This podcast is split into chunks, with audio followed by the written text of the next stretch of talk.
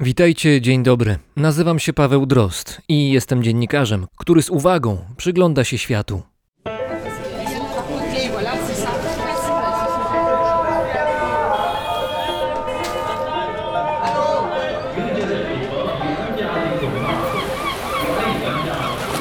Brzmienie świata.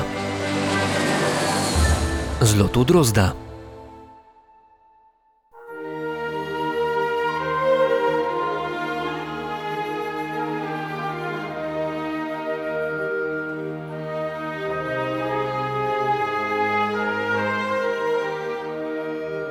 Gdzie jest dom mój?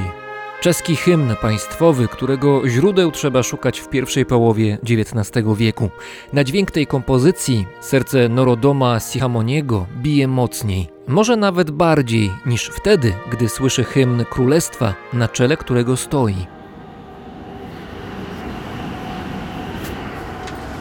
Příští stanice Florence. Přestup na linku B. 1962 roku, gdy dziewięcioletni Norodom trafił do Pragi za sprawą swojego ojca, stacji Ferenc jeszcze nie było. Powstała 12 lat później i nazywała się wtedy Sokolowska. Norodom mógł przesiadać się na tej stacji już jako student. Od początku interesowały go kierunki artystyczne, muzyka, teatr, a przede wszystkim balet. To była jego wielka pasja, dlatego na studia wybrał się do praskiej Akademii Sztuk Scenicznych. Jako młody człowiek chłonął pełnymi garściami z tego, co dawało mu życie. Czechosłowacja była jego drugim domem, dlatego związał się z tym krajem bardzo blisko. Był pojętnym uczniem i szybko osiągnął biegłość w języku czeskim i pozbawione samogłosek łamańce językowe nie były dla niego trudne. Krt drn. Ten łamaniec akurat zapada w pamięć i tłumaczy się go mniej więcej tak. Kret puścił bąka przez murawę, zjadając wcześniej garść nasion.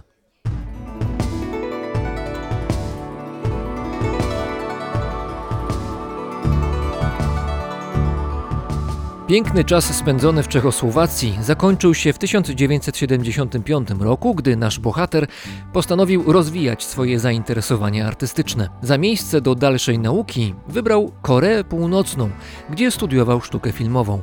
Przerwał jednak studia, by po dwóch latach wrócić do ojczyzny, do Kambodży.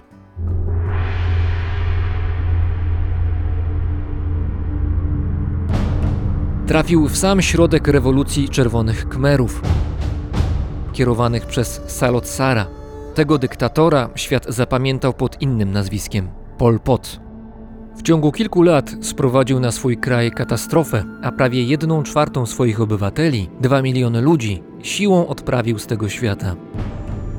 Norodom Siamoni wraz z matką, bratem i ojcem, ówczesnym królem Kambodży, mieli więcej szczęścia. Trafili do aresztu domowego. Dwa lata później, gdy zakończył się reżim Czerwonych Khmerów, zostali uwolnieni, lecz inwazja wojsk wietnamskich na Kambodżę sprawiła, że uciekli do sąsiednich Chin. Tam przez dwa lata Norodom Siamoni pełnił rolę sekretarza swojego ojca. W Azji książę nie zagrzał wiele czasu. Już w roku 1981 przeprowadził się po raz kolejny, tym razem do Francji. Spędził tam 20 lat, realizując swoje marzenia. Pracował jako nauczyciel tańca klasycznego, był menadżerem kmerskiej grupy baletowej we Francji i zajmował się kinematografią. Z Paryża mógł też odwiedzać ukochaną Pragę, z którą zawsze miał najlepsze wspomnienia.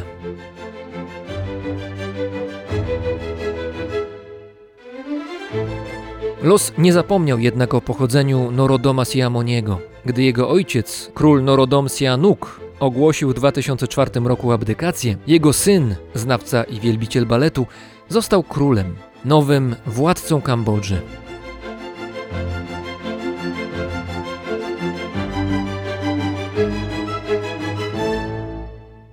Khmerska rodzina królewska. Można by było długo o niej opowiadać. Na przykład matka obecnego króla wydała go na świat w wieku 16 lat. Sama była owocem kmersko-francusko-korsykańskiego związku. Natomiast ojciec dzisiejszego króla Kambodży słynął z płodności. Miał kilkanaścioro dzieci. Znany był też z zamiłowania do kina i muzyki. Był filmowcem amatorem oraz grał na saksofonie. Spod jego ręki wyszło blisko 50 kompozycji muzycznych, między innymi ta, którą teraz słyszycie.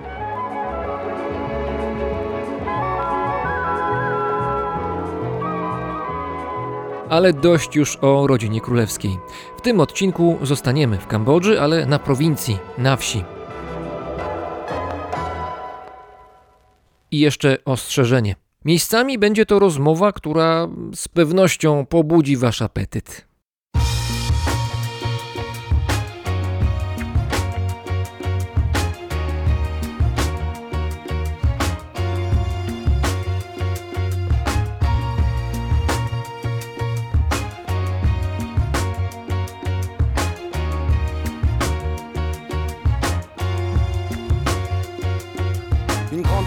Commerce, stage de fin d'études, il rêve de partir ailleurs pour aller faire fortune. La City, les Lloyds, le building en forme de concombre, se mettre au vert à l'ombre, s'expatrier à Londres. La France, sa routine, préjugé dans sa rétine. Il jouera son autre manche, outre-manche maritime. JCD, jeune cadre dynamique, compétitif. Consulting, marketing, finance, c'est pas vraiment son kiff, mais le voilà, motivé pour travailler pendant 10 ans. Épargner assez d'argent, il sortira du rang, même s'il échoue par la suite. Il aura cette assurance, un diplôme, bac plus 5 et ses 10 années d'expérience, parce que lui, au fond, il n'en veut pas de cette vie de bureau, de ce métro, boulot, dodo, juste pour payer ses impôts. Parce que lui, depuis tout petit, il voulait faire du hors-piste. Il avait toujours rêvé de mener la vie d'artiste. Mon père m'a dit méfie-toi du cynisme L'avenir appartient aux idéalistes Quand je serai grand je voulais être artiste Aujourd'hui je suis pianiste sur un clavier QWERTY Mon père m'a dit méfie-toi du cynisme L'avenir appartient aux idéalistes quand je serai grand, je voulais être artiste. Aujourd'hui, je suis pianiste sur un clavier QWERTY. 8h30, Liverpool Street Station, East London. Embauché à la fin de son stage, c'est l'automne. Son profit correspondait au poste à pourvoir, flexible, autonome, des qualités qu'il fallait avoir. Environnement multiculturel, métier transversal, open space, activité internationale. Les années passent comme les temps de pause. À la machine à café, les sourires lui cachent tant de choses. Les intrigues rythment la vie au bureau. Les grâces, les disgrâces par le poste du boulot. Qui aura sa promo Qui sera licencié De combien sera le montant du bonus de fin d'année Puis photo taguer, puis chatter discret, puis faire reléguer. Le manager peut passer les objectifs, le rentable, compétitif jusqu'aux entrailles. C'est sculpter le masque exigé par le monde du travail. Mon père m'a dit méfie-toi du cynisme. L'avenir appartient aux idéalistes. Quand je serai grand, je voulais être artiste. Aujourd'hui, je suis pianiste sur un clavier QWERTY. Mon père m'a dit méfie-toi du cynisme. L'avenir appartient aux idéalistes. Quand je serai grand, je voulais être artiste. Aujourd'hui, je suis pianiste sur un clavier QWERTY. 6h30, le réveil électronique tout redémarre. Couché tard, le veto, il court pour éviter le retard. Il voudrait tout changer, il y pense, il se le dit. Il rêve de gagner l'euro million du vendredi. Tous les matins, le même bonjour aux mêmes personnes, au même endroit. La routine, le quotidien, parcours funèbre, chemin de croix. Tous les matins, il y a l'horoscope dans les gratuits distribués. Et tous les soirs, chez les gens bien, la lumière bleutée des télés. Le temps des désillusions, il a du bide, il est vautré. A-t-il respecté les rêves de l'enfant qu'il était? Mais cette fois, c'en est trop. Sortir du cercle infernal parce qu'il crève d'ennui. Il sautera hors de son bocal, il va déployer ses ailes, pas avoir peur d'essayer. Il aura enfin cette vie qu'il s'était prédestinée. Et pour la fin de cette histoire, dix ans plus tard, le revoici. À Paris, il est pianiste sur un clavier AZERTY. Mon père m'a dit méfie-toi du cynisme. L'avenir appartient aux idéalistes. Quand je serai grand, je voulais être artiste. Aujourd'hui, je suis pianiste sur un clavier QWERTY. Mon père m'a dit méfie-toi du cynisme. L'avenir appartient aux idéalistes. Quand je serai grand, je voulais être artiste. Aujourd'hui, je suis pianiste sur un clavier QWERTY.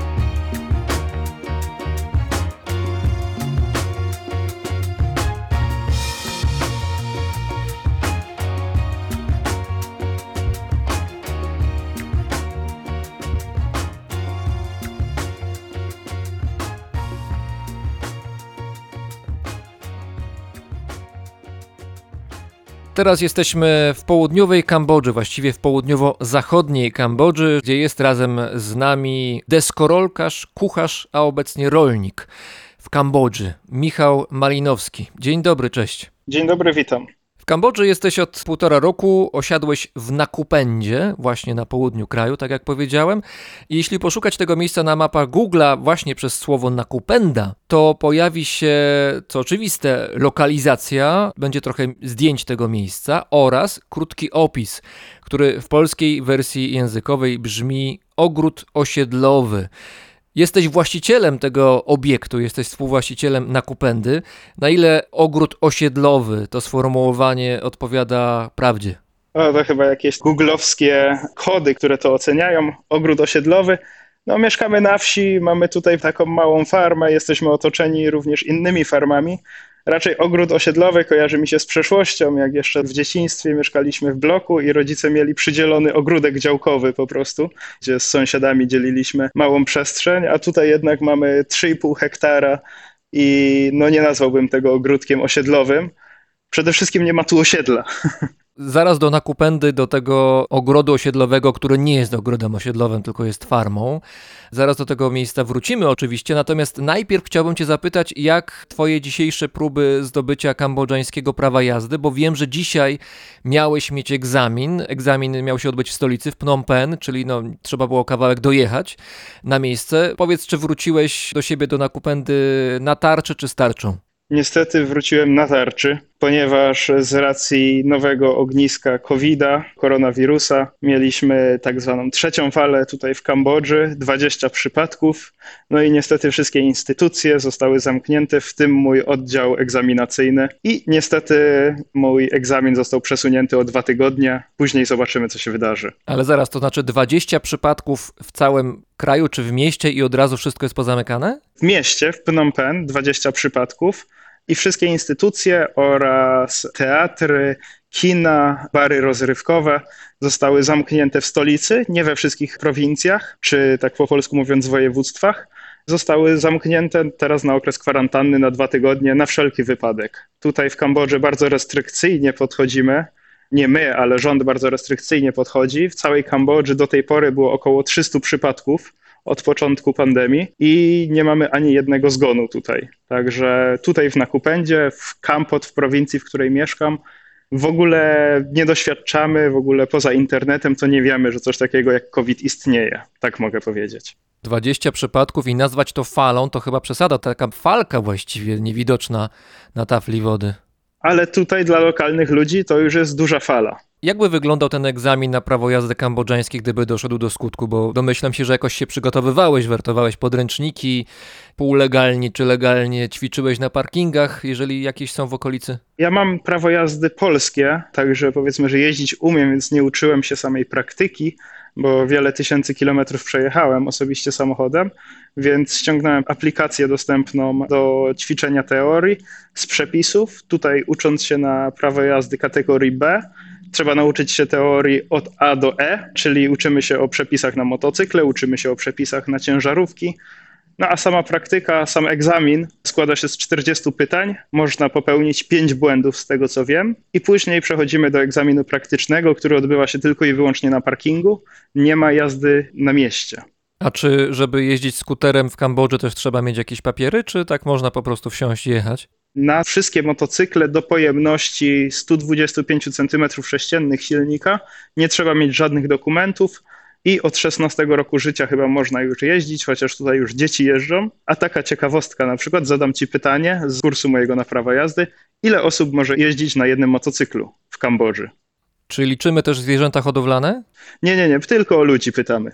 No to tak trzy spokojnie. Bardzo dobrze, zdałeś. Można jeździć w dwie osoby dorosłe i jedno dziecko. A kaski są obowiązkowe, czy nie? Kaski są obowiązkowe i też w tym roku mocno podnieśli mandaty. Teraz jest za brak kasku jest 15 dolarów od osoby. Przy lokalnych zarobkach jest to powiedzmy 10% średnich zarobków miesięcznych Kmerów, także jest to wysoki mandat, więc uważają.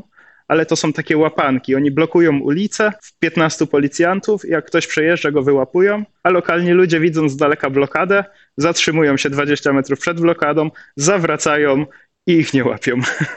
Jeżeli chodzi jeszcze o motoryzację, może zatrzymajmy się przy tym wątku, bo to ciekawe.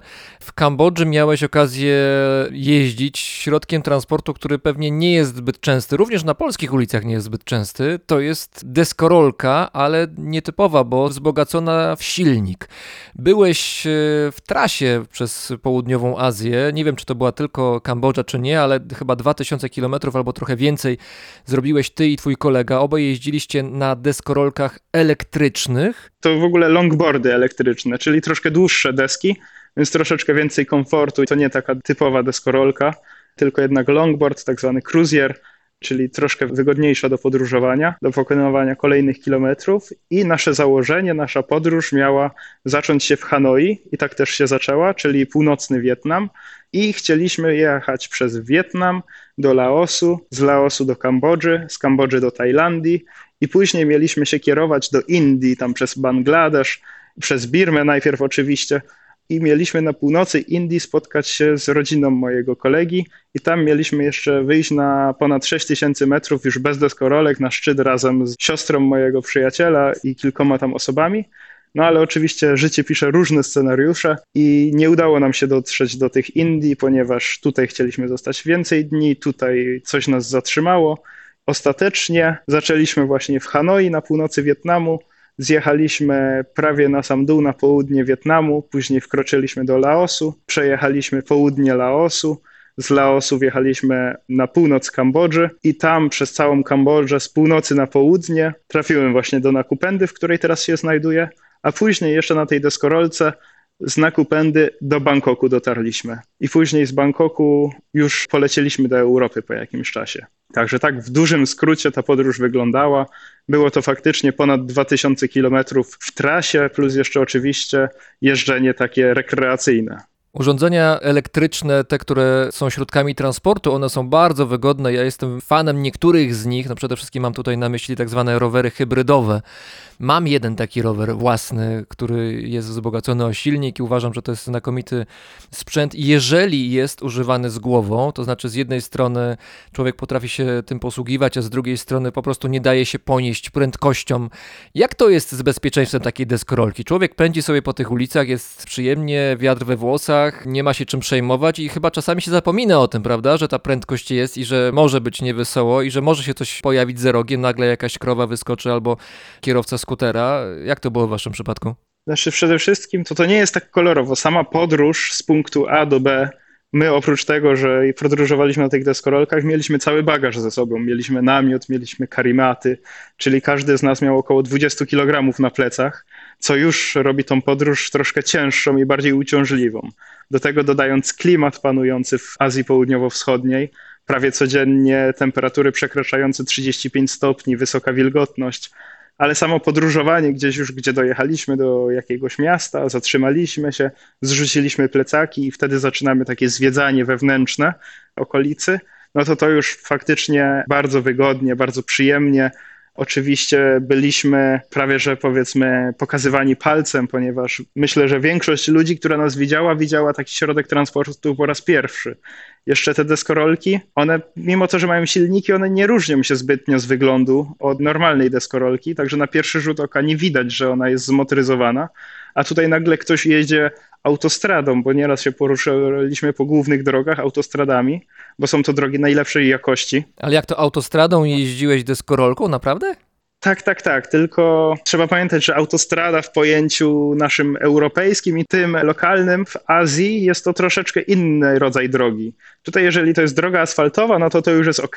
Tutaj nie ma, że są trzy pasy, 120 na godzinę, wszyscy jadą. Nie, to tak nie wygląda po prostu jest trochę lepszy asfalt i tyle. A jakie prędkości taka deskorolka z wami na pokładzie oraz z bagażem rozwija? To jest ile? 20 km na godzinę, 30? Z nami razem z bagażem to około było 35 km na godzinę prędkość maksymalna. Podróżowaliśmy zazwyczaj z prędkością około 25 km na godzinę, żeby zaoszczędzać też baterię i wydłużyć nasz zasięg. A maksymalna prędkość, którą byliśmy w stanie rozwijać na tych deskorolkach to 45 km na godzinę Mieliśmy też ochraniacze, zawsze na kolanniki, zawsze na łokietniki i kask tak zwany full face, czyli razem ze szczęką pełny kask rowerowy. Także dość bezpiecznie. To pytanie brzmi, ile razy lądowaliście nieintencjonalnie na ziemi podczas jazdy? Szczerze powiedziawszy, ja tylko raz i to na początku. Pierwszy dzień, kiedy wyjeżdżaliśmy z Hanoi, opuściliśmy miasto, no i tam miałem taką przygodę, gdzieś tam wpadłem w takie wibracje od dużej prędkości.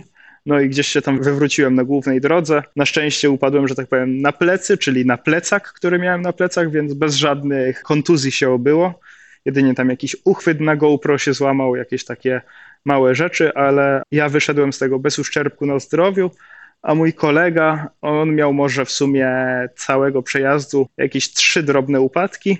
Też obyło się bez kontuzji, jakichś większych, czasami zdarł tam troszeczkę skóry na łokciach czy coś tam, ale też jeden z takich wypadków na przykład zaprowadził nas, jak się okazało, do wspaniałej historii, mogę powiedzieć. To było w Hue, w starej stolicy Wietnamu. Właśnie jechaliśmy gdzieś coś zwiedzać i mój przyjaciel stracił połączenie pomiędzy pilotem a deskorolką. No i to spowodowało, że upadł, bo stracił kontrolę nad deskorolką i pękła nam matryca w laptopie, który miał w plecaku. No i musieliśmy znaleźć sklep, żeby wymienić tą matrycę. No i poszukując sklepu poznaliśmy ludzi z lokalnego baru, taka powiedzmy ekipa ze środowiska hip-hopowego i razem z nimi zapoznaliśmy się i udało nam się namalować wspólnie graffiti na najdłuższej ścianie graffiti w całym Wietnamie. Taka duża pamiątka bym powiedział, przez to, że gdzieś po jakichś małych uliczkach krążyliśmy w mieście w Wietnamie, poznaliśmy ludzi i zaprzyjaźniliśmy się z nimi, spędziliśmy kilka dni i zwieńczyliśmy tą krótką znajomość wspólnie namalowanym graffiti z logiem naszej podróży, która się nazywała Podróż Dzieci Korzeni. Także można na najdłuższej ścianie w Wietnamie odnaleźć takie graffiti. Jeździłeś deskorolką po Azji Południowo-Wschodniej i korzenie zapuściłeś w nowym miejscu, daleko od domu, daleko od Europy. Teraz zmieniłeś deskorolkę na, na łopatę, na jakieś urządzenia rolnicze. Jesteś rolnikiem, no to jest poważne przeobrażenie. Trafiłeś do Nakupendy, czyli do, do farmy właśnie w południowej Kambodży. Jak się podejmuje taką decyzję jak twoja? To znaczy, czy wcześniej była jakaś głęboka analiza, czy to był przypadek, a może miłość, bo wiem, że od niedawna jesteś żonaty z Kambodżanką. Jak to się dzieje, że człowiek, który zajmuje się no, sportem ekstremalnym, jazda po drogach publicznych deskorolką elektryczną przy prędkościach 30-40 km na godzinę, to jest już sport ekstremalny. Jak się ze sportu ekstremalnego trafia pod strzechy i się zostaje rolnikiem? Powiedziałbym, że to po prostu jest spontaniczna decyzja. Tutaj nie było głębokiej analizy, tutaj poszedłem z prądem, z tym, co się wydarzyło w danej chwili, w danym momencie. Ja w ogóle Kambodżę miałem w głowie już myślę od 10 lat. Gdzieś ona spotkała mnie i długo, długo planowałem odwiedzić Kambodżę. Mój tata też był w 2009 roku, jak pamiętam, w Kambodży i przywiózł wspaniałe historie, opowiadał, jakie to są tam piękne miejsca.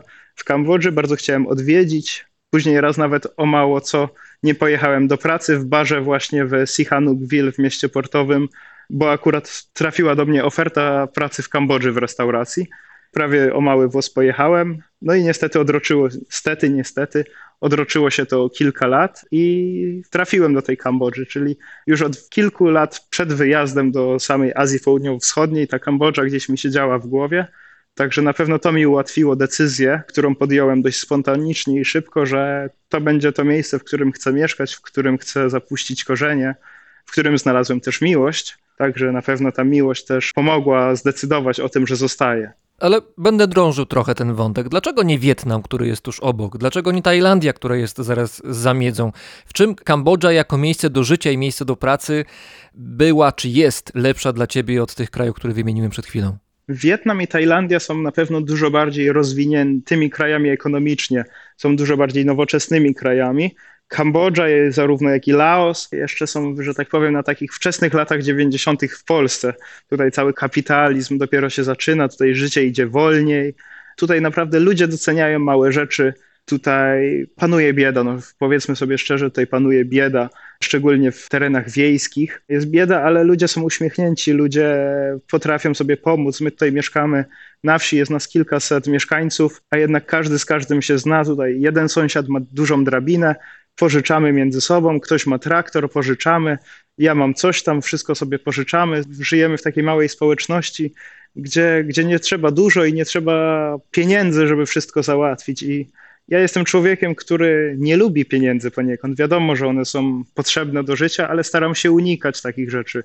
Ja nie lubię księgowości, ja nie lubię chodzić do urzędów, Także starałem się uciec od takich miejsc. No i myślę, że tutaj w Kambodży, na wsi, na farmie bardzo dobrze się odnajduję. A czasem raz w tygodniu do miasta zjeść pizzę czy coś takiego, troszeczkę zażyć zachodniego życia, że tak powiem, i tak mi odpowiada. Tak się czuję dobrze. Trochę tego zachodniego życia miałeś okazję doświadczyć jeszcze będąc w Europie, bo pracowałeś w wielu miejscach, również za granicą, na przykład w Szwajcarii, jako kucharz albo generalnie w restauracjach, które jak rozumiem nie były jakimiś budkami 2 metry na 2 gdzieś na rogu, tylko to były pełnoprawne restauracje, które pewnie też no, odpowiednio kosztowały, żeby tam się stołować. I tam pracowałeś, a teraz zmieniłeś te miejsca szykowne na tę farmę w Kambodży, która no, ma się nijak do tych wcześniejszych miejsc pracy. Ja lubię proste rzeczy, proste rozwiązania. Ja naprawdę nie potrzebuję dużo, żeby, żeby cieszyć się życiem, żeby być zadowolonym z tego, co mam. Mi jest tak łatwiej po prostu. Ja się lepiej czuję, jak, jak mam mniej, a zarazem mam więcej dzięki temu. Może tak w skrócie powiem. Nakupenda, tak się nazywa farma, to miejsce, w którym mieszkasz i pracujesz, żyjesz. Jak tam trafiłeś na początku? To też taka historia, że dojeżdżając do granicy z Laosem, między Laosem a Kambodżą, dosłownie kilka kilometrów przed granicą, spotkaliśmy parę z Ukrainy, Vlad i Anna, pamiętam, łapali stopa. No i tak się zatrzymaliśmy, żeby zamienić kilka słów. Oczywiście tam dla śmiechu zaproponowaliśmy podwózkę na deskorolkach.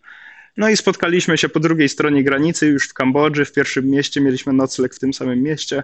I gdzieś tak razem z tą właśnie parą z Ukrainy przepodróżowaliśmy właśnie całą Kambodżę, właśnie ze Stang Treng do Siem Reap, do Phnom Penh i dalej na południe. Oni właśnie mieli w planie jechać na wolontariat do Nakupendy. No i zaprosili nas właśnie, żebyśmy ich odwiedzili na jedną noc, na dwie noce. No i wtedy jedna noc, dwie noce przerodziły się do tego momentu, że jestem tutaj już prawie dwa lata.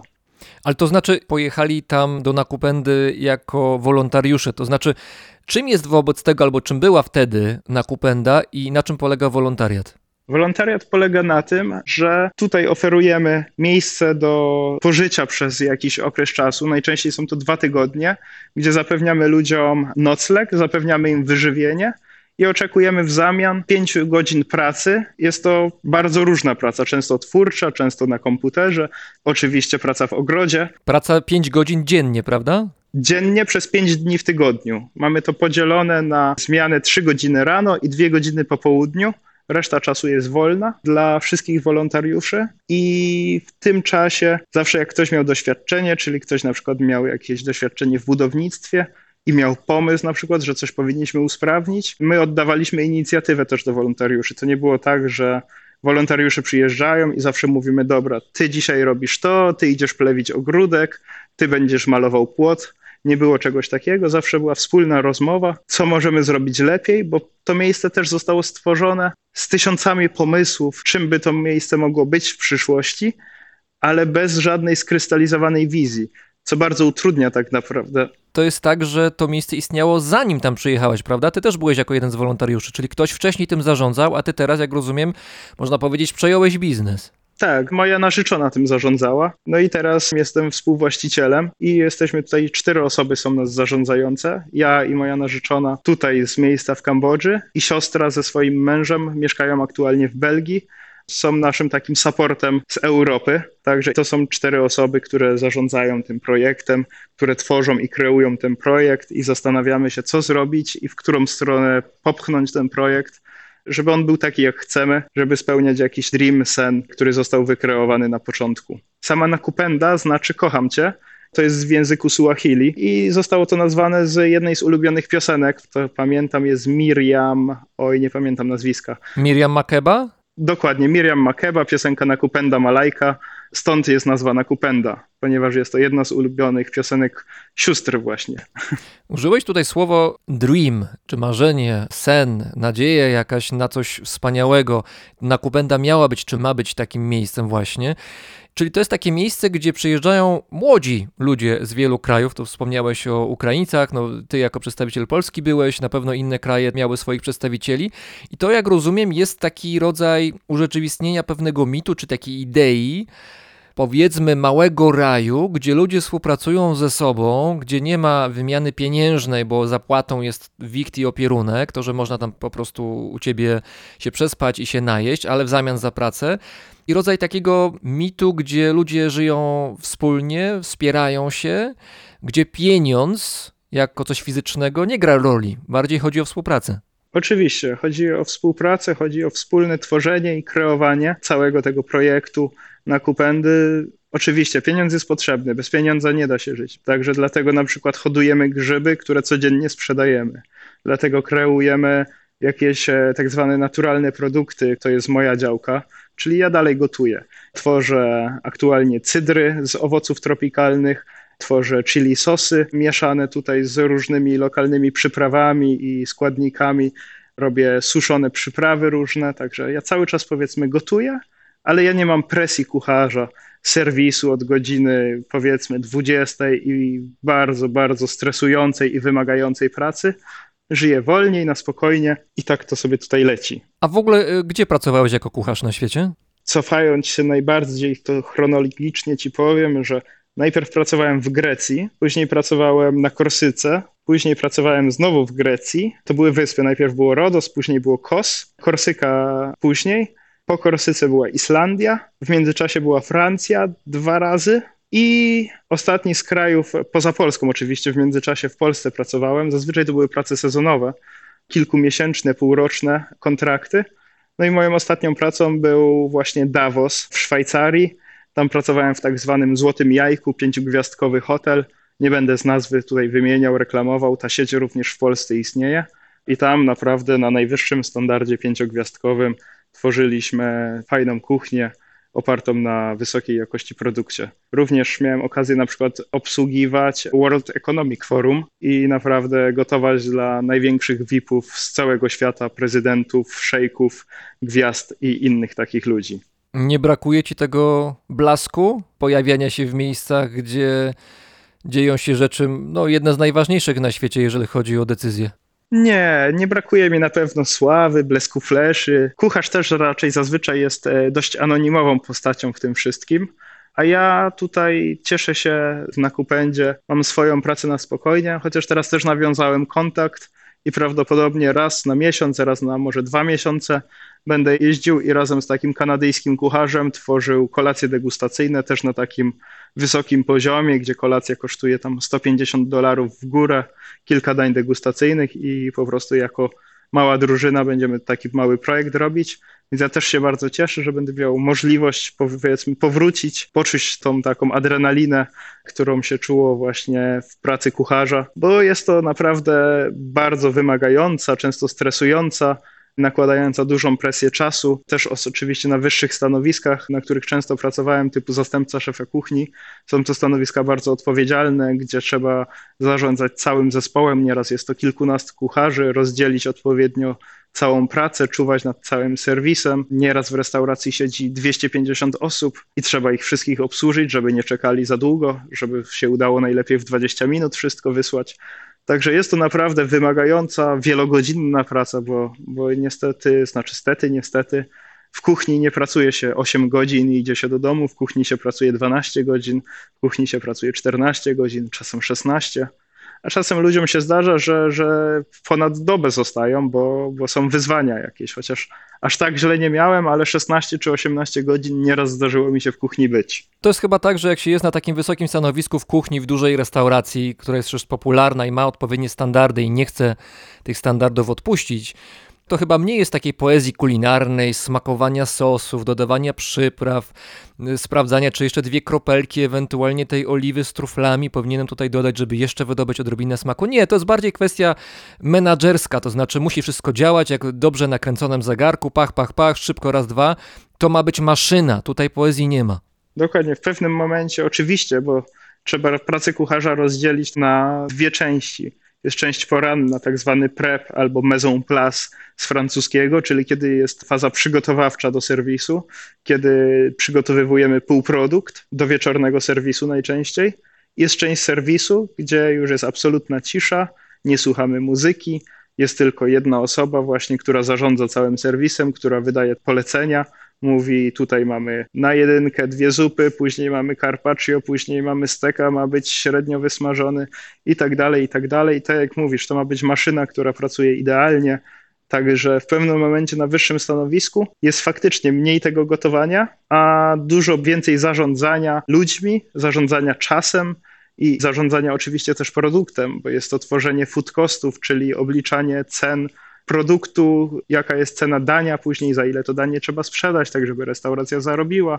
Także jest trochę księgowości, wiele, wiele rzeczy. To nie jest tylko deska do krojenia i nóż. A zdarzało ci się być w takiej kuchni podczas zarządzania takim złym generałem, złym w znaczeniu surowym? Mm, Nie, raczej byłem tym dobrym policjantem zawsze, że tak powiem.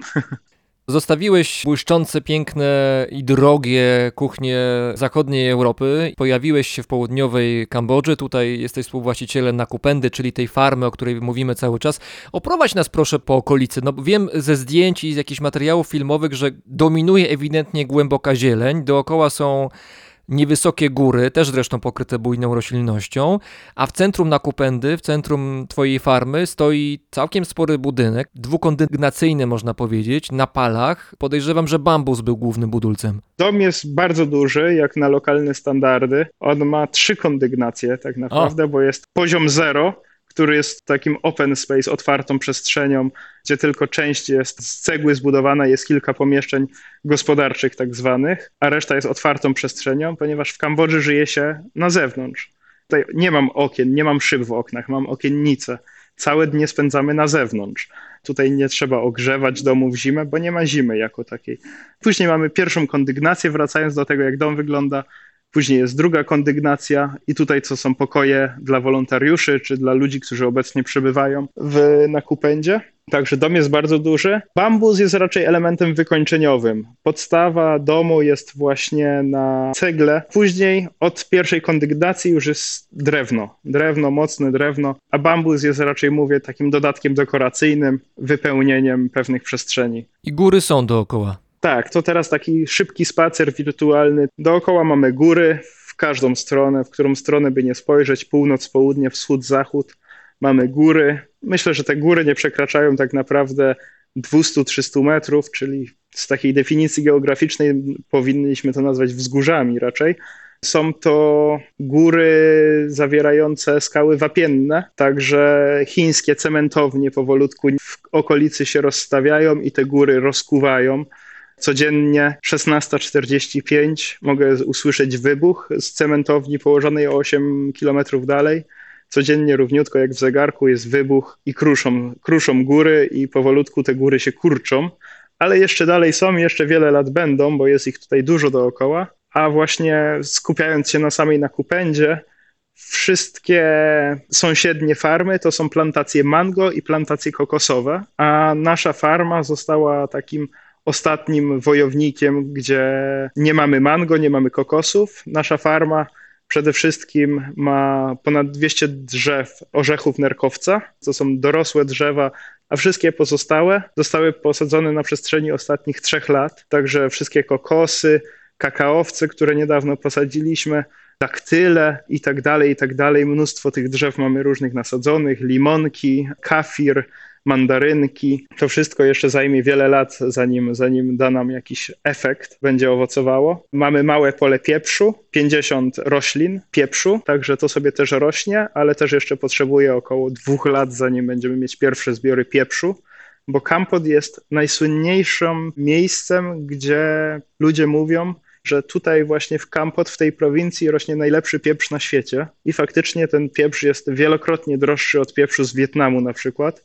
Jest bardzo wysoko oceniany przez kucharzy, szefów kuchni. A próbowałeś kiedyś pieprzu może ze Sri Lanki? Mm, Byłem na Sri Lance i szczerze powiedziawszy nie zauważyłem jakiejś różnicy, że ten pieprz jest lepszy, że to jest coś, co tam rośnie i powinienem tego spróbować. Nie dotarło to do mnie, może to ominąłem gdzieś. Pytam dlatego, że miałem okazję spróbować pieprzu lankijskiego na miejscu. Zresztą mam całkiem sympatyczny zapasik jeszcze w domu po ostatnim wyjeździe. Natomiast y, nie chodzi może tutaj o smak, który może jest zwyczajny, jeżeli chodzi o ten lankijski pieprz, natomiast chodzi o jego moc. Bo lankijczycy twierdzą, że w składzie pieprzu lankijskiego piperyny, czyli składnika, który odpowiada za ostrość pieprzu, jest bardzo dużo, wyjątkowo dużo. Więc jeżeli ktoś lubi ostry, taki solidny pieprz, charakterny, to właśnie ze Sri Lanki. Możliwe, chociaż właśnie tutaj ten właśnie z Kampotu również, również jest bardzo mocny, też tej piperyny ma bardzo dużo. Nawet taka ciekawostka, jeszcze to było przed erą COVID-a, w artykule New York Timesa Kampot był w pierwszej dwudziestce miejsc wartych odwiedzenia na rok 2020, głównie z racji rosnącej popularności tego pieprzu i możliwości zwiedzania farm tutaj lokalnych z tym pieprzem. Wspomniałeś o tych górach, które są w tej chwili obniżane sukcesywnie przez Chińczyków, którzy dopiero rozpoczęli swój najazd na okolice, ale wiem też, że gdzieś niedaleko na Kupendy, niedaleko twojej farmy też znajdują się jaskinie. Wykorzystywane są te miejsca przez nietoperze, a z kolei to, co zostawiają nietoperze w jaskinie jest wykorzystywane przez ludzi. Dokładnie, tak zwane guano, jeden z najcenniejszych nawozów pochodzenia odzwierzęcego, jeden z najbardziej wartościowych, jeżeli chodzi o wszystkie składniki. I my też tutaj z Nakupendy robiliśmy wyprawy z wolontariuszami. To była bardzo fajna przygoda, taka kurde dość ekscytująca z dreszczykiem, bo robiliśmy wycieczki na skuterach właśnie do jednej z takich jaskiń. Bardzo majestatyczna, myślę, że miała z 20 metrów wysokości. Jak już przeszliśmy tam tunelami, starymi rozpadającymi się drewnianymi mostkami, przebiliśmy się po prostu do głównej jaskini, do głównej komory.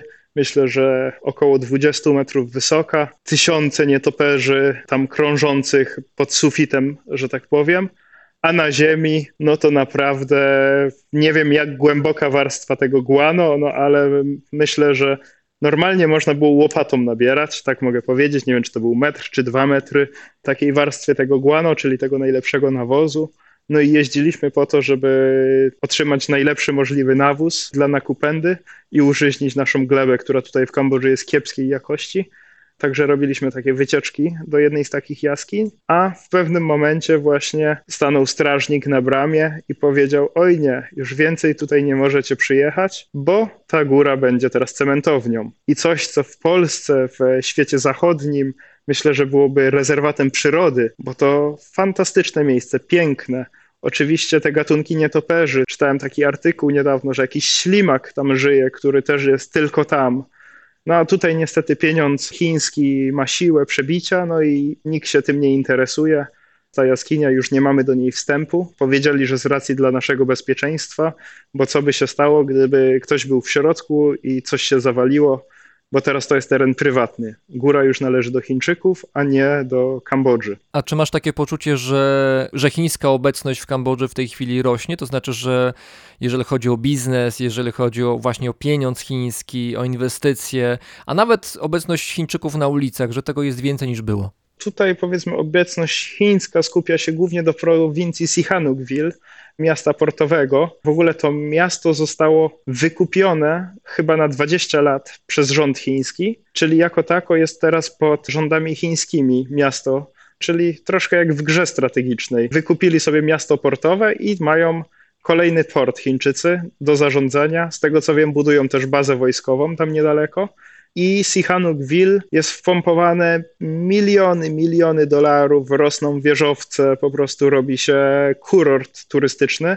Zostało to zahamowane bardzo w styczniu, kiedy zakazali hazardu online, bo głównie było, z tego co słyszałem, około 200 tysięcy Chińczyków pracujących w branży hazardu online, mieszkających w Sihanoukville. Tam mieli swoją siedzibę i całe miasto było chińskie po prostu. Nie było prawie, że już kmerskich napisów na restauracjach, były chińskie restauracje i Chińczycy tam zamieszkiwali. No i został ten online gambling, czyli hazard zbanowany przez kambodżański rząd na jakiś czas. No i podobno 200 tysięcy Chińczyków się wyprowadziło. Jest to teraz miasto duchów, pełne rusztowań, niedokończonych wieżowców. I to jest właśnie jedno z miejsc, o którym ci na początku mówiłem, że mój tata mówił, w 2009 roku, że to jedne z najpiękniejszych plaży, jakie widział. Wielkie drinki w kokosie za jednego dolara i tak dalej. Kiedy ja tam dojechałem do tego miejsca w 2018 roku i zobaczyłem te plaże, zobaczyłem jak to wszystko wygląda, mówię, że chyba się musiało mojemu tacie coś pomylić, bo to niemożliwe, bo to wyglądało troszeczkę jak wysopisko śmieci i plaża szeroka może na 5 metrów, bardzo zaniedbana, i widać było, że miasto naprawdę na trzy budynki, dwa były z rusztowaniami w trakcie przebudowy. straszne miejsce do odwiedzenia, ale tam też jest port, żeby dopłynąć na okoliczne wysepki, na których już jest czysto, zadbanie i bardzo fajnie warto odwiedzić. To skoro dotknąłeś wątku zmiany otoczenia kambodżańskiego w czasie, to czy ty z perspektywy no niedługiej, bo półtora roku, albo w ogóle ci, których znasz, Kmerowie, czy oni mówią, że Kambodża się zmienia? No się zmienia się na pewno, ale w jakim kierunku, w jakim stopniu, dokąd zmierza w ramach tej zmiany? Na pewno ma teraz bardzo szybki rozwój ekonomiczny. Oczywiście wyłączmy teraz erę koronawirusa, bo to wiadomo, że to zastopowało całą gospodarkę światową, nie tylko kambodżańską. To bardzo szybko teraz się Kambodża rozwijała głównie przez pieniądze chińskich inwestorów. Bardzo dużo miejsc pracy przybyło, branża turystyczna bardzo dobrze się rozwijała. Tutaj jest dość łagodne prawo wizowe, także dużo ludzi osiedlało się tutaj, zakładało swoje biznesy, ponieważ jest to zrobić dużo łatwiej niż w Wietnamie bądź w Tajlandii, z racji na mniejsze restrykcje i łatwość w zakupie. Co prawda, nie można jako biały człowiek być właścicielem czegoś, ale bardzo łatwo nawiązać spółkę z regulacjami prawnymi, że jest to bezpieczne i prowadzić tutaj biznes. Także Kambodża bardzo szybko się rozwijała. W krótkiej perspektywie czasu na pewno to jest dobre. W długiej perspektywie czasu myślę, że nie jest to dobre, bo to nie były pieniądze kambodżańskie i te pieniądze też nie wracają do Kambodży, tylko wypływają poza granice Kambodży, głównie z powrotem do Chin czy do Stanów Zjednoczonych. Także z krótkiej perspektywy czasu, powiedzmy 10 lat, na pewno jest to bardzo duże takie uderzenie, rozwój całej Kambodży. Dużo się zmieniło, powstają drogi. Kiedy ja tutaj przyjechałem po raz pierwszy, droga krajowa numer 3 właśnie łącząca Phnom Penh z Kampotem nie miała jeszcze asfaltu. Droga krajowa była w tragicznym stanie, była w tragicznym stanie. Teraz już jest asfalt. Jest budowana autostrada pomiędzy Sihanoukville a Phnom Penh. Także wszystkie główne ośrodki miejskie są już połączone naprawdę dobrej jakości ulicami, co jeszcze kilka lat temu faktycznie nie było. Nie było asfaltu. Także na przestrzeni kilku lat bardzo, bardzo szybko się rozwija ta Kambodża ludzie też niestety tutaj dostali możliwość brania pożyczek. Z tego co słyszałem, teraz Kambodżanie są jednym z najbardziej zadłużonych krajów na świecie, biorąc pod uwagę prywatne pożyczki, głównie z mikrofinansów tak zwanych, bardzo dużych, nowych, wielkich pick-upów amerykańskich albo japońskich, Fordów, Toyot po 40, po 50 tysięcy dolarów, gdzie średnia krajowa roczna wynosi niecałe 2000 dolarów dla przeciętnego Kambodżanina czy Kmera. Także ci ludzie, nie wszyscy na pewno są w stanie zarobić takie pieniądze, żeby pozwolić sobie tutaj na, na auta, które są niedostępne dla większości. Ale powstaje tutaj taka klasa średnia bardzo szybko, której nie było absolutnie, była tylko bieda i bieli ci najbogatsi. A teraz widać, że na przestrzeni kilku lat powstaje ta klasa średnia, którzy głównie na turystyce plus na handlu imporcie z Chin, imporcie ze Stanów Zjednoczonych, imporcie skądś tam, z Japonii, rozwinęli swoje biznesy i, i zaczyna powstawać tutaj ta klasa średnia. Tu cały czas w tle gdzieś nam się pojawia koronawirus, epidemia covidowa, która z jednej strony na Kambodżę ma niewielki wpływ, bo tych zachorowań i dramatów ludzkich w Kambodży w porównaniu chociażby z Europą jest dużo, dużo, dużo mniej. Jest właściwie spokojnie, ale z drugiej strony powiedziałeś, że kraj się szybko zamyka i reaguje natychmiast radykalnie, jeżeli się pojawiają jakieś przypadki. To ma też wpływ na ciebie, dlatego że Nakupenda, wasza farma, opiera się w dużej mierze, z tego co rozumiem, na pracy wolontariuszy z zagranicy. I ich w tej chwili za wielu chyba nie ma to, że ta praca tutaj była, wolontariusze przyjeżdżali, oczywiście to byli podróżnicy, to byli ludzie, którzy najczęściej przez wiele miesięcy podróżowali po Azji i to był taki ich chwilowe schronienie tutaj w Nakupendzie. Powiedzmy, że brak wolontariuszy nie dotknął nas aż tak bardzo, ale brak turystyki, ponieważ granice od lutego są zamknięte, nie ma wjazdu do Kambodży poza specjalną wizą która tam może zostać wydana i wypełnieniem wielu tam obostrzeń tak zwanych, ale od lutego powiedzmy kraj jest zamknięty, nie ma turystów, a to co produkujemy było głównie produktem dla turystów, nasze chili sosy, te cydry i tak dalej. Oczywiście brakuje wolontariuszy, brakuje rąk do pracy, ale mamy teraz pracownika, plus pojedyncze osoby się zdarzają i zazwyczaj te osoby też zostają teraz na dłużej. Wcześniej przyjmowaliśmy na dwa tygodnie ludzi, jako taki turnus i mieliśmy cały czas rotację. Nie mieliśmy nigdy mniej niż 10 osób. a teraz powiedzmy nauczyliśmy się, jak prowadzić tą farmę, kiedy nie ma 10 osób, a są tylko 4 osoby, 3 osoby, 5 osób. I tutaj sobie powolutku działamy, wszystko rozwija się wolniej, ale w miarę jesteśmy w stanie zapanować nad samą farmą. Ale dla takiego porównania mogę Ci powiedzieć albo zadać zagadkę. Angkor Wat, jedna z największych atrakcji turystycznych w Azji Południowo-Wschodniej, kompleks świątynny w Siem Reap. Zgadnij, o ile procent spadły przychody w powiedzmy maju 2020 i analogicznie w maju 2019. No myślę, że to są duże liczby, to znaczy 80%?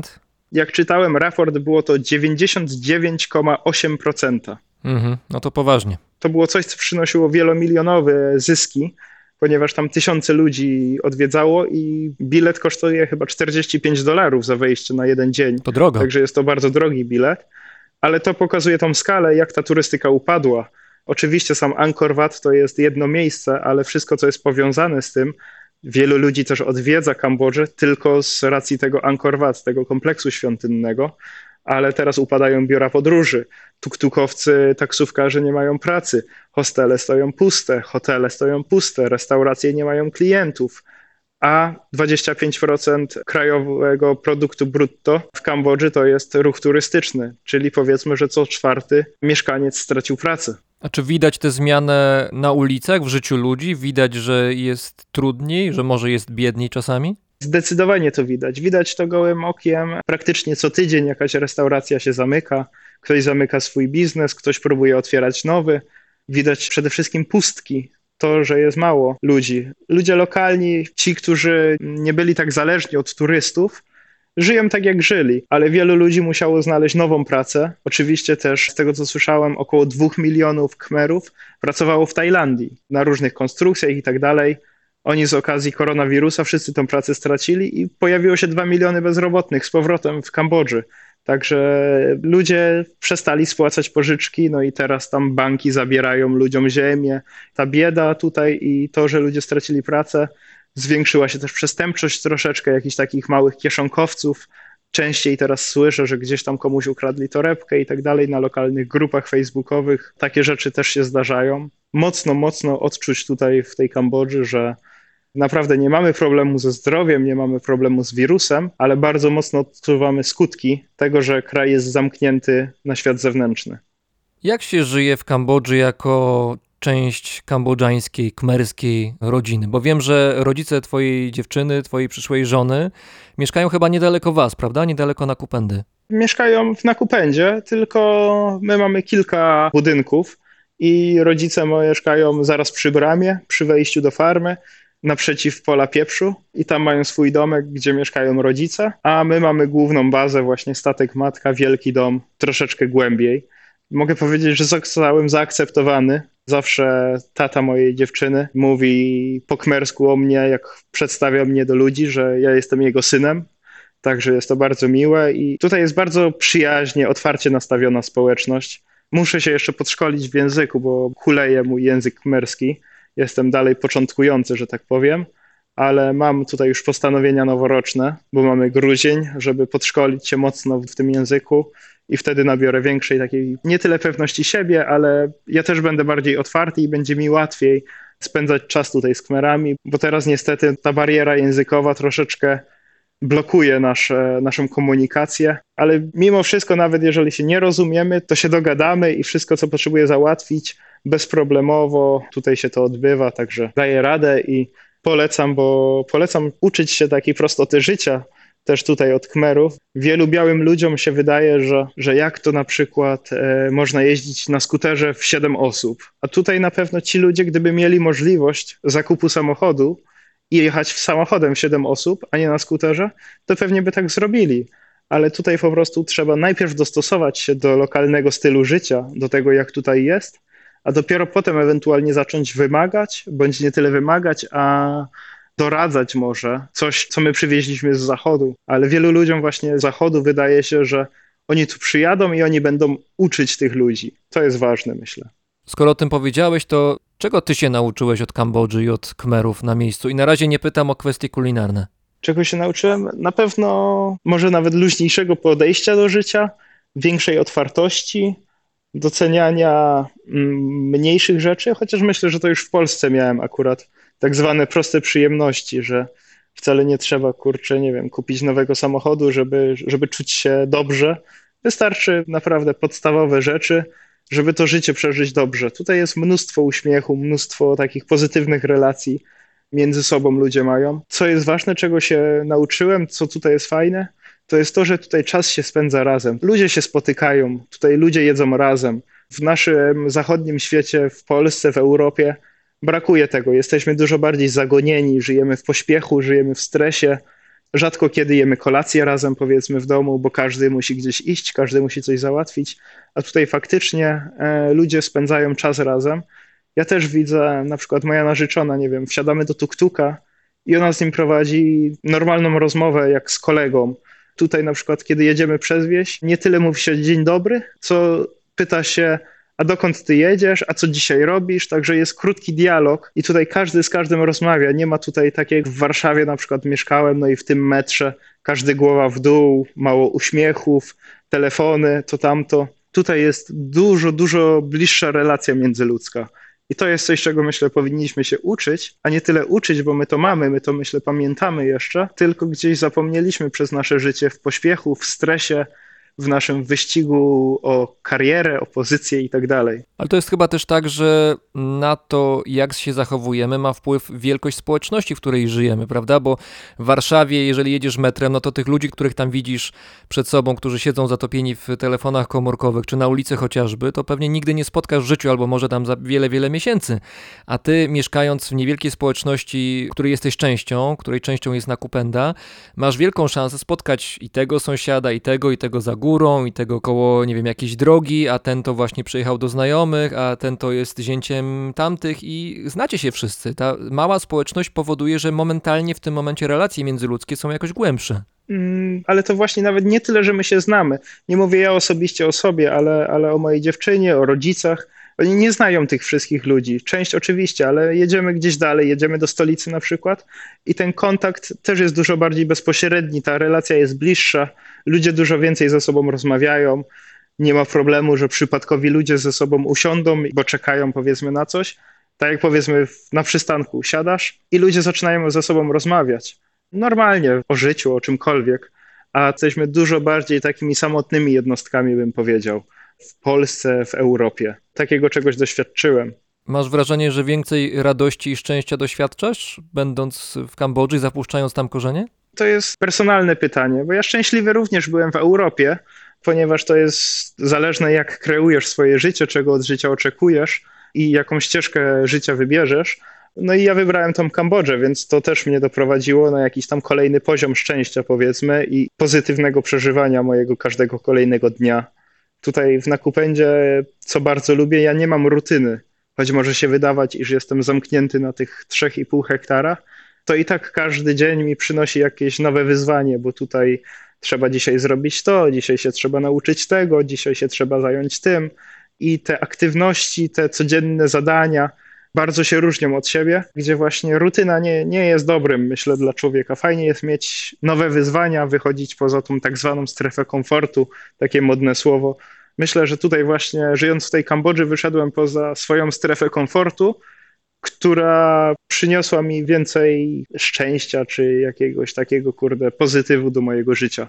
To w finale naszej rozmowy bardzo bym Cię prosił, żebyś polecił jakiś e, przepis kulinarny zainspirowany Kambodżą albo może właśnie kmerski, ale jednocześnie z takim zastrzeżeniem, żeby był ewentualnie możliwy do wykonania w Polsce.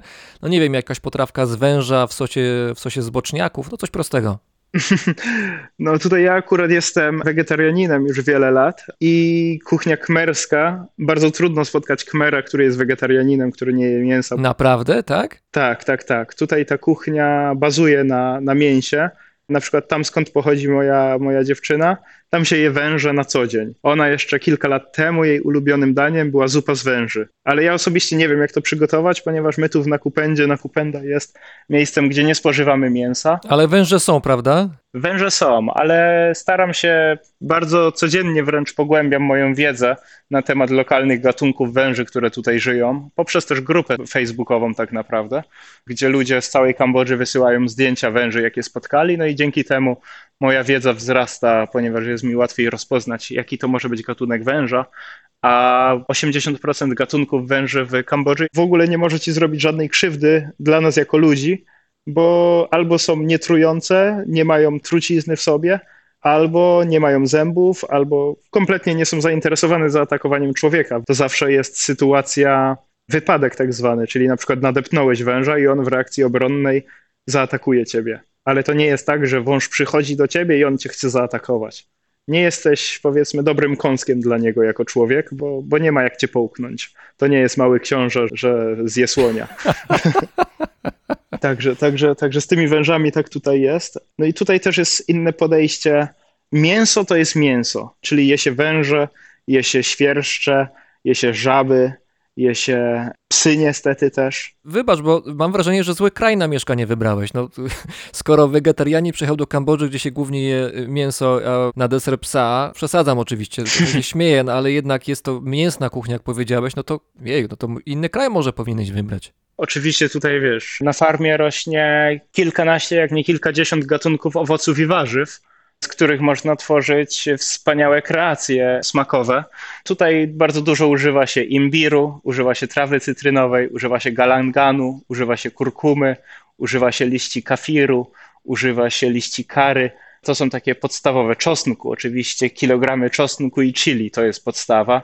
Limonka, takie rzeczy tutaj, także w tą stronę idą te smaki. Kokos, mleko kokosowe, wiórki kokosowe, głównie na tym tutaj powstają, na tej bazie. Wymieniasz wszystkie rzeczy, które lubię. Mów dalej. Także no, na pewno byś się odnalazł. A tutaj też jeszcze tak ci powiem, większość menu w restauracji, które są nietypowo tylko dla lokalnej społeczności, a to są takie kmerskie restauracje, ale dla turystów, no to zazwyczaj powiedzmy masz w menu zielone kary i masz do wyboru z warzywami, z kurczakiem, z krewetkami albo z wołowiną. Hmm. No i ja sobie zamawiam z warzywami i jem to samo powiedzmy, bo to jest baza kary, które jest przygotowane wcześniej i oni później po prostu dodają ten ostatni element, który będzie albo większą ilością warzyw dla mnie, albo to będą na przykład krewetki dla kogoś innego. Wielu wolontariuszy pytało, no dlaczego tu nie jemy mięsa?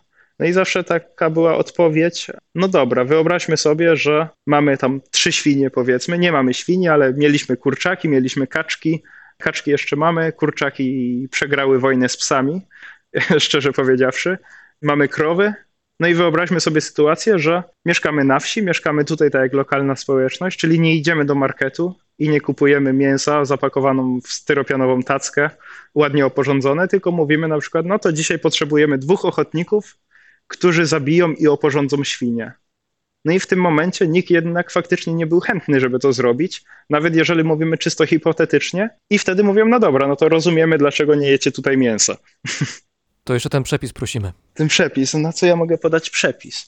E, no to może jakiś taki mm, jeszcze z dostępnością składników, które tutaj ten. Wiem, że boczniaki uprawiasz, rosną u ciebie na farmie całkiem sporo. Tak. E, wiem, że boczniaki też oczywiście są dostępne w Polsce, więc może coś z boczniaków.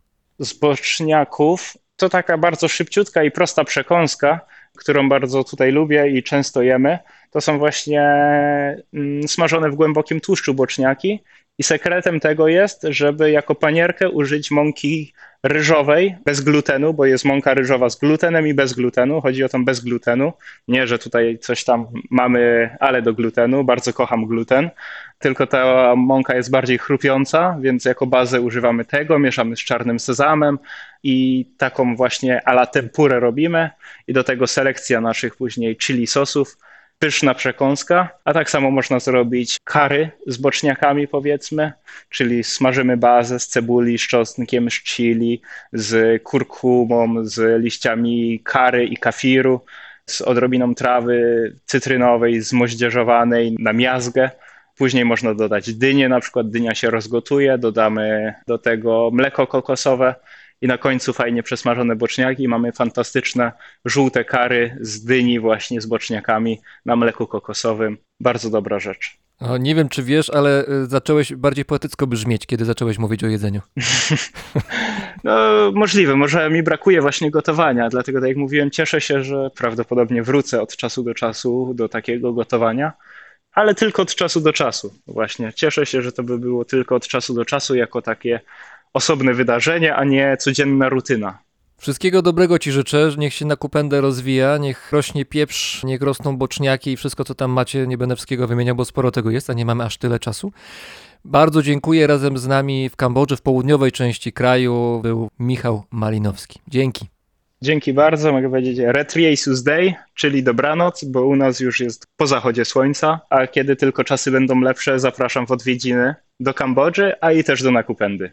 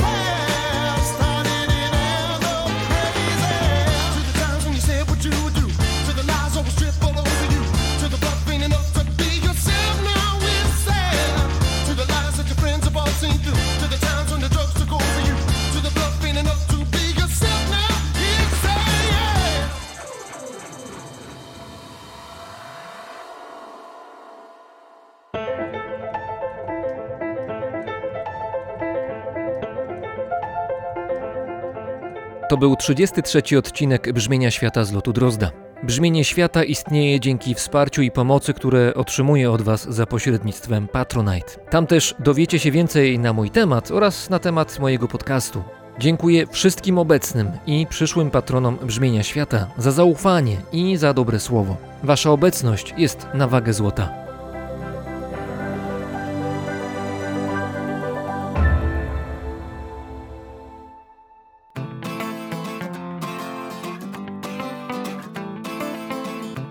Paweł Drozd, czyli ja, mówi Wam dobrego dnia. On vous souhaite tout le bonheur du monde et que quelqu'un vous tende la main, que votre chemin évite les bombes, qu'il mène vers de calmes jardins. On vous souhaite tout le bonheur du monde pour aujourd'hui comme pour demain, que votre soleil éclaircisse l'ombre, qu'il brille d'amour au quotidien.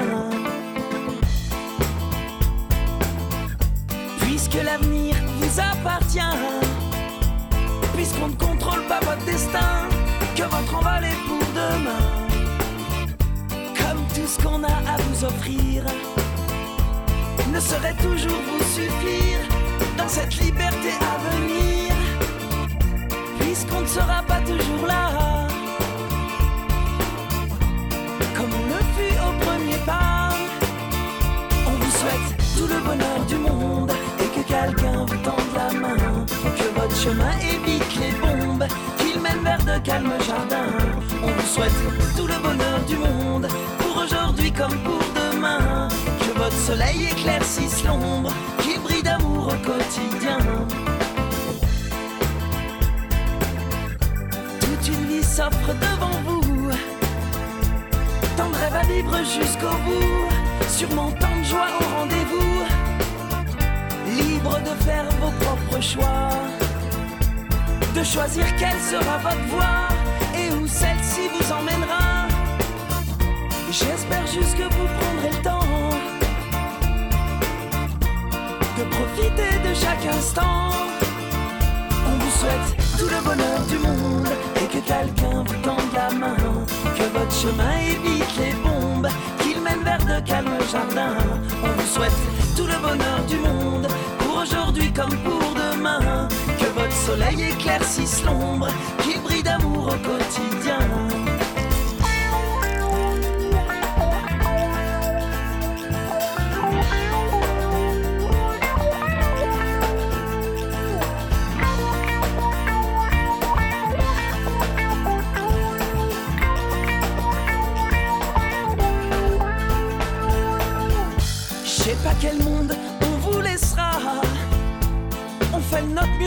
Parfois.